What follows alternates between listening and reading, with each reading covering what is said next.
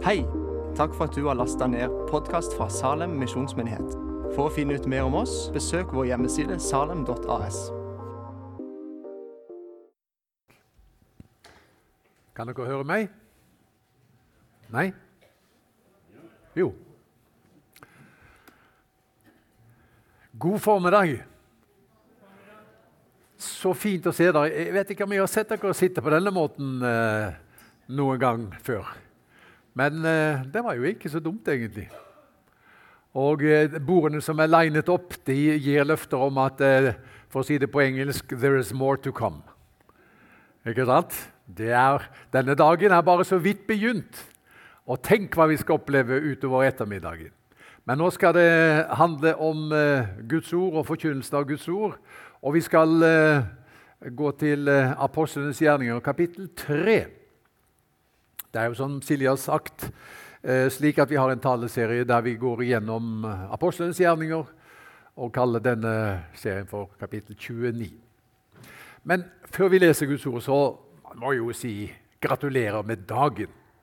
For det er jo eh, en dag der vi feirer at menigheten er 85 år. Det er ikke i dag. Det var i mars at vi jeg tror det er, er det 5. mars? Jeg glemte å sjekke det. Det er helt i begynnelsen av mars at eh, stiftelsesdatoen er. Og så har vi eh, Jeg vet ikke hvorfor det ble sånn, men vi bestemte oss i for at vi feirer når sommeren er over og vi er klare til å ta fatt på, på høsten. Så gratulerer med dagen, alle sammen. 85 år. Det er ikke en selvfølge at en menighet i det hele tatt eksisterer etter at det har gått 85 år fra stiftelsesdagen. Det er ikke det. Men eh, vi ikke bare eksisterer, vil jeg si, men vi lever jo i Har vi lov å si? Vi lever i beste velgående. Kan vi si det? Ja, Litt sånn ubeskjedent må vi kunne si det. Vi er en, en, eh, mor hvis vi kan si det da, som har eh, mange barn. Fordi det er stiftet mange menigheter med utgangspunkt i Kristiansand misjonskirke Salem. Og sannelig har vi fått barnebarn òg. Vi har et barnebarn eh, på Flekkerøya. fordi at eh, Vårt ektefødte barn er jo på Vågsbygd, Vågsbygd misjonskirke. Og så har de fått et barn, og det er Flekkerøy misjonskirke. Så det blir jo vårt barnebarn. Og jammen har vi et barnebarn i Ytre Randesund òg. Så, så, vi må jo kunne si at eh, vi lever i beste velgående. Det er klart Når vi ser tilbake på 85 år, så har antagelig ikke alle tider vært like rike og fylt av uh, uh, gode ting og begivenheter. Antagelig har det vært litt flo og fjære. Kan, kan, vi tenke oss det? At det har vært det? Ja, det må vi ha grunn til å tro. Men det er noe med Guds menighet. Guds menighet har en enorm comeback-kraft. Når det er liksom fjære og lavvann, du, så er det liksom et eller annet som skjer, og så løfter tidevannet seg, og så går man inn i en ny vekstperiode. Og det er jo sagt om Gud. Han begraver ikke døde menigheter, om vi noen gang skulle vært i nærheten av det. Han oppvekker dem. Det er der, der, der Gud er. Gud er i oppstandelsesbransjen. Og Nå skal vi lese en tekst som virkelig illustrerer oppstandelsesbransjen kraft. Vi er kommet til eh, kapittel 3, og nå leser vi fra vers 1.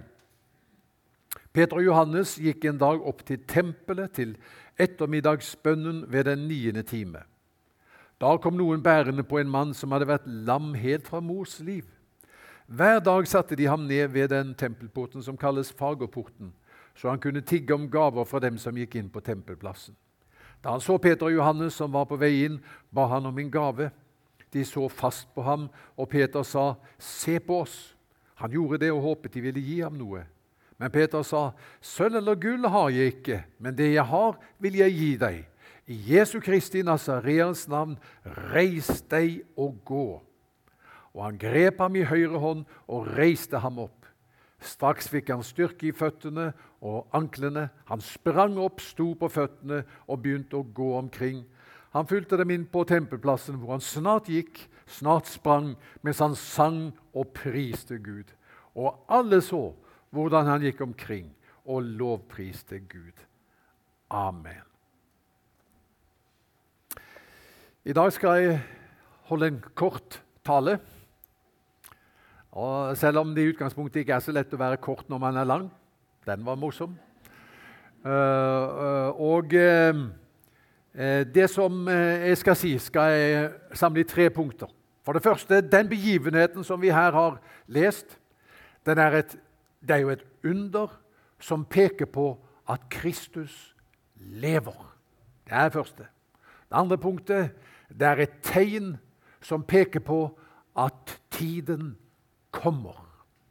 Og for det tredje så er det en hendelse som forteller noe om stedfortredende lidelse. Vent på den. Men først Dette er et, eh, et under som peker på at Kristus er oppstanden og lever. Vi kan nesten ikke bruke for sterke ord om det som skjedde da denne lamme mannen reiser seg på føttene og begynne å gå. Det er en helbredelse, men jeg føler nesten vi må ta sterkere i, for en helbredelse kan være gradvis. Så om denne hendelsen, som er momentant, umiddelbar Han hadde vært lam fra fødselen av. Nå var han over 40 år, og i ett nu så reiser han seg på føttene. Trenger ikke behandling av muskulatur som har vært eh, sovende i 40 år. ikke sant? Han er liksom bare på med en gang. Springer og hopper. Priser Gud. Dette er et under. Dette er et mirakel. Og dette underet og dette mirakelet, det forteller at Jesus lever. Det er hans gjerning, dette. Lukas Vi har jo en Nei, nå er han oppe i barnekirken. Sønnen til Karoline. Han heter Lukas. Lukas har jo skrevet to bøker i Bibelen. Lukas' evangelium og Apostelens gjerninger. Og I Apostelens gjerninger sier han om evangeliet.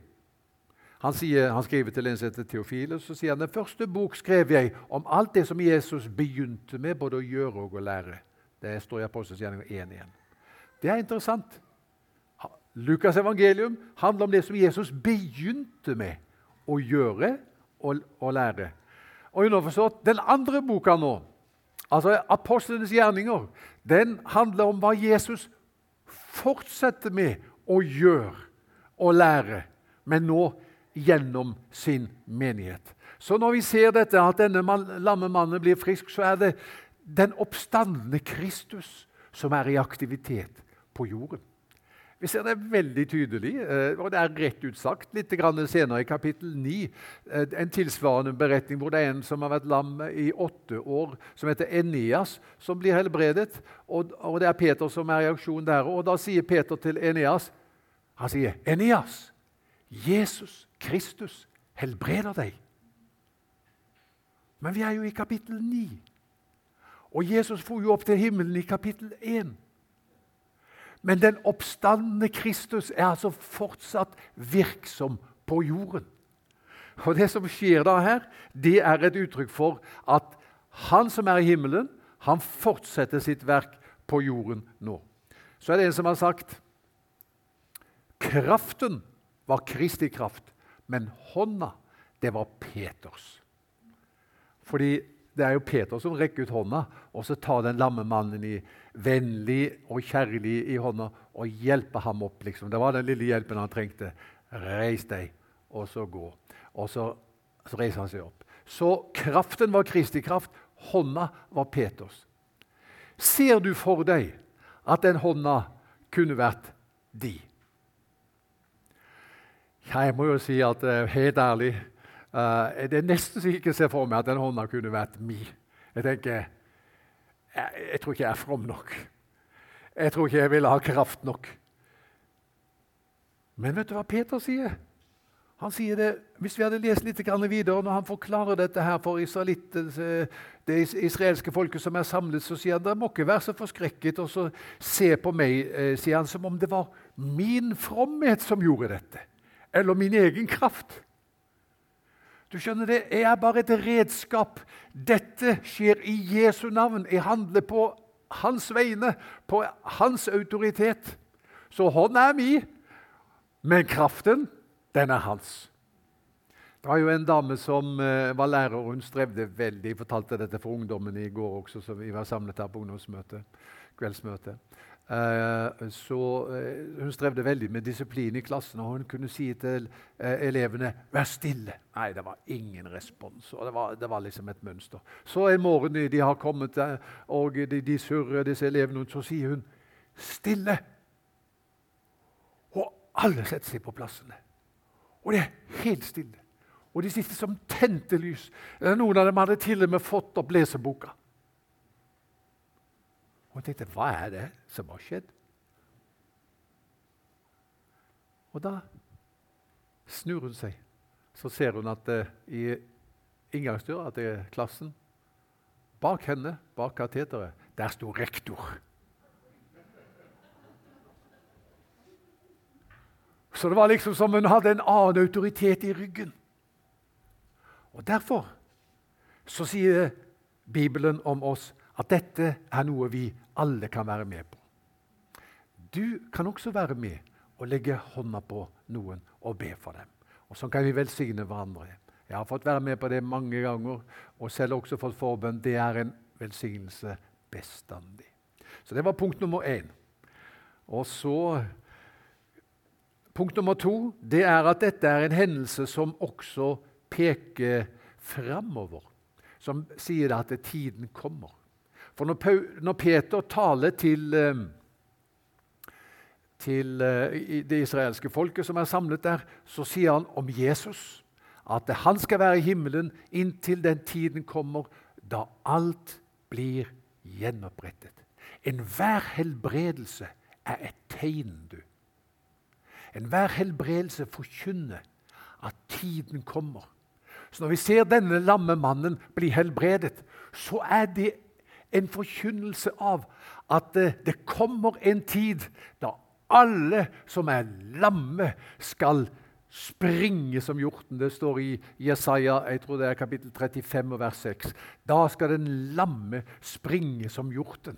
Og Dette forteller altså at den tiden kommer. Så enhver helbredelse tenker jeg, det er som et lynnedslag fra himmelen, som er en Guds måte å forkynne på. Fatt mot. Vær ved godt mot. Livet er kanskje ikke så enkelt akkurat nå. Du strever med ting. Ting er ikke på plass. Du har ikke løst lidelsens gåte, du heller. Mye er vanskelig. Men tiden kommer. Vi hører morgendagen til. Og det som har skjedd med ham, det forteller dette. Det tredje Jeg må fatte meg i korthet i, formiddag.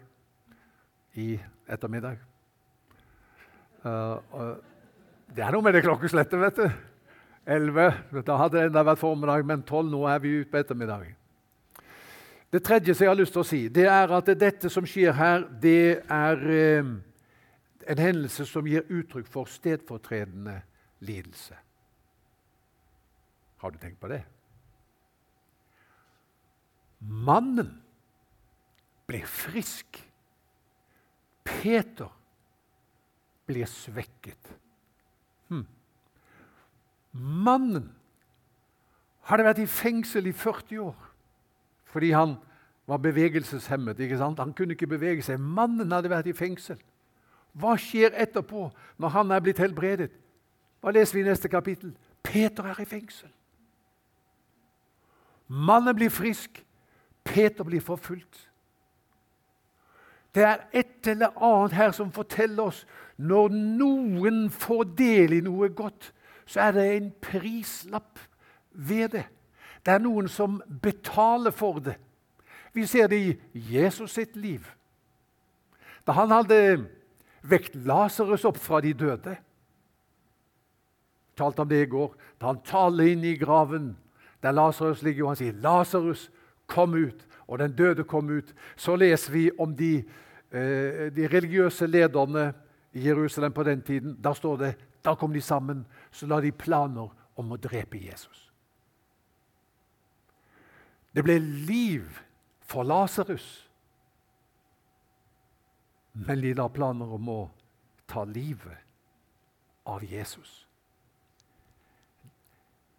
helse og legedom kommer med en prislapp.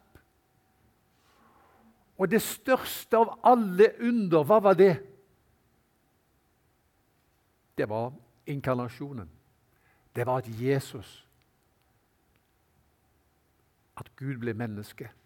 Og det som skjedde når Gud ble menneske, det var at nå fikk Jesus en kropp man kunne ta livet av. Nå kunne, han, nå kunne man spikre nagler i hendene hans. Nå kunne man presse en torne nedover panna hans. Nå kunne han henges på et kors, for nå hadde han fått en kropp. Nå var han sårbar. Og så ser vi at profeten Jesaja sier, når han skal fortelle det som skjer på korset, så sier han øh, øh, følgende om Jesus. Men han ble såret for våre lovbrudd, knust for våre synder. Straffen lå på ham. Vi fikk fred. Ved hans sår ble vi helbredet. Ser du det?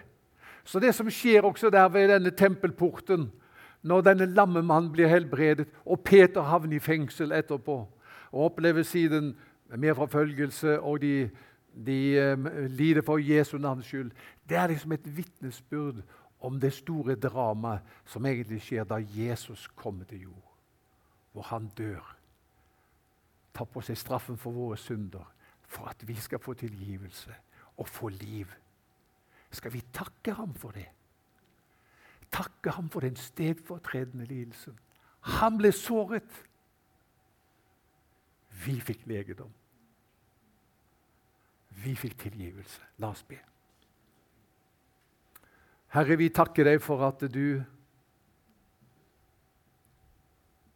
gikk inn i vårt sted. Og vi takker deg for at du betalte prisen. Peter var villig til å betale prisen som det, liksom det var å gå i fengsel for å kunne stå i denne tjenesten. Du gikk enda dypere. Du steg så dypt ned som ingen vet. Så dypt ned som ingen kan ane. Men du steg så dypt ned at du kan løfte opp hver enkelt av oss. Også på din bekostning får vi liv. Vi priser deg for det.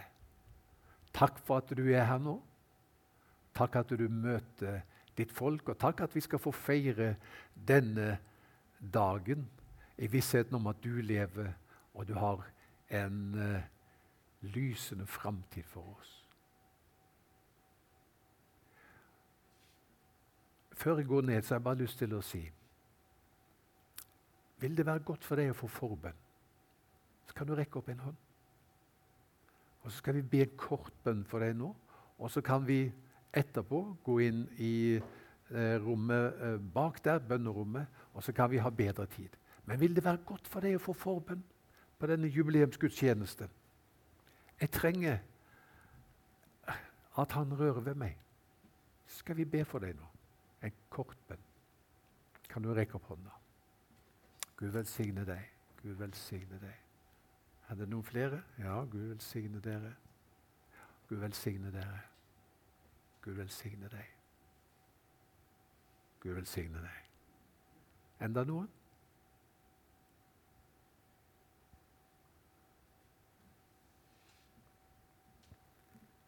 Herre, jeg priser deg fordi at uh, vi får lov å be for de som rakk opp hånda. På en spesiell måte. Vi kjenner alle at vi trenger det. Men så er det noen som trenger det kjenner spesielt at jeg trenger det i dag. Takk at du er der, Herre, for dem. Du er der hos dem. Vi ber at de skal erfare at det er krefter eh, i sving hos den som tror på deg. At den som er din, også kan erfare at det er krefter som holder meg oppe. Krefter som leger, krefter som gir natt til dag. Krefter som gjør at lenker brister. Takk at du betalte prisen for dette, Jesus. Og Vi vil takke deg for det. Og så skal vi få erfare du led, vi fikk fred. Og Jeg ber om shalom i hele sin rikdom for de som rakk opp hånda. Amen.